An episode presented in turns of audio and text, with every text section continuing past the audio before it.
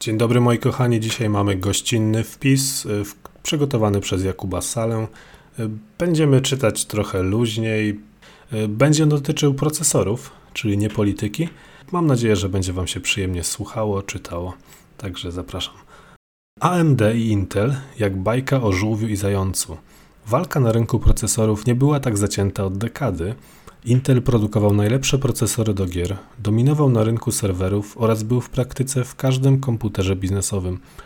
Jednak niebiescy, bo tak określa się Intel, zamiast dostarczać klientom nowe jednostki, w kółko ulepszali prawie identyczne czterordzeniowe i ośmiowątkowe procesory serii i7 oraz czterordzeniowe i czterowątkowe procesory serii i5. Główny rywal Intela, AMD, przez lata tracił w oczach użytkowników, na przykład po procesie sądowym o wprowadzenie klientów w błąd z liczbą wątków i rdzeni w swoich procesorach FX.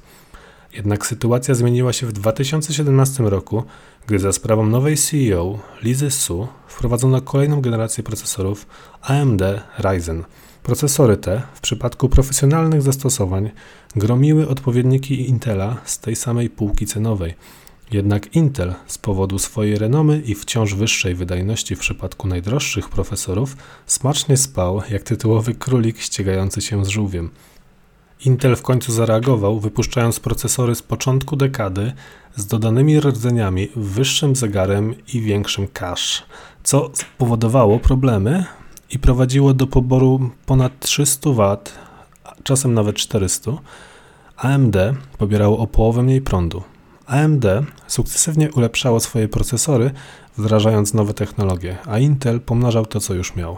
W tym momencie dochodzimy do generacji 5000 AMD Ryzen, 8-rdzeniowy i 16-wątkowy AMD Ryzen 7 5800X za 1800 zł pokonał w testach najwyższy konsumencki model Intela, 10-rdzeniowy i 20-wątkowy Intel Core i9 10900K kosztujący bagatela 2400 zł.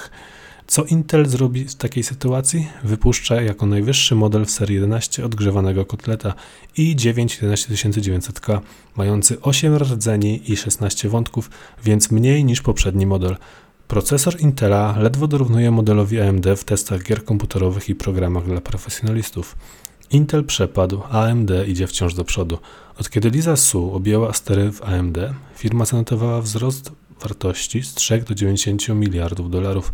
Kolejne lata przyniosą pamięć DDR5, którą według przecieków Intel wprowadzi pod koniec 2021 roku wraz z 12 generacją procesorów Intel Core.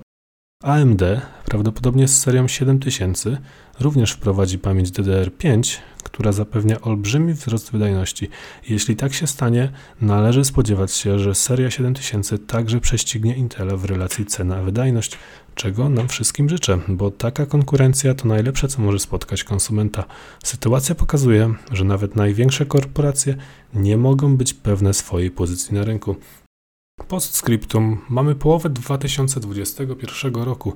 Górnicy kryptowalut przejęli rynek kart graficznych, powodując drastyczny wzrost cen kart graficznych, a co za tym idzie, także cen półprzewodników. AMD, Nvidia i Micron produkują w jednej fabryce tajwańskiego TSMC. Doprowadziło to do spadku dostępności procesorów AMD, co wykorzystał posiadający własne fabryki Intel, obniżając cenę procesorów 10 generacji poniżej ceny odpowiedników AMD. Cena i7 10700K z 1800 zł została obniżona do 1300 zł, a i5 10400F można dostać za 440 zł na promocjach. Normalna cena to około 900 zł. To gratka dla graczy i profesjonalistów. Mówiąc o dostępności, warto wspomnieć też o kartach graficznych, gdzie przykładowo koszt RTX 3070 od Nvidia, który wynosił 2500 zł, wzrósł przez kopaczy do prawie 7000 zł. Nvidia interweniowała i wraz z serią RTX 3070 Ti i RTX 3080 Ti umieściła mechanizmy antykryptowalutowe w BIOS, sterowniku oraz rdzeniu karty graficznej. Miejmy nadzieję, że poprawi to sytuację zwykłych konsumentów.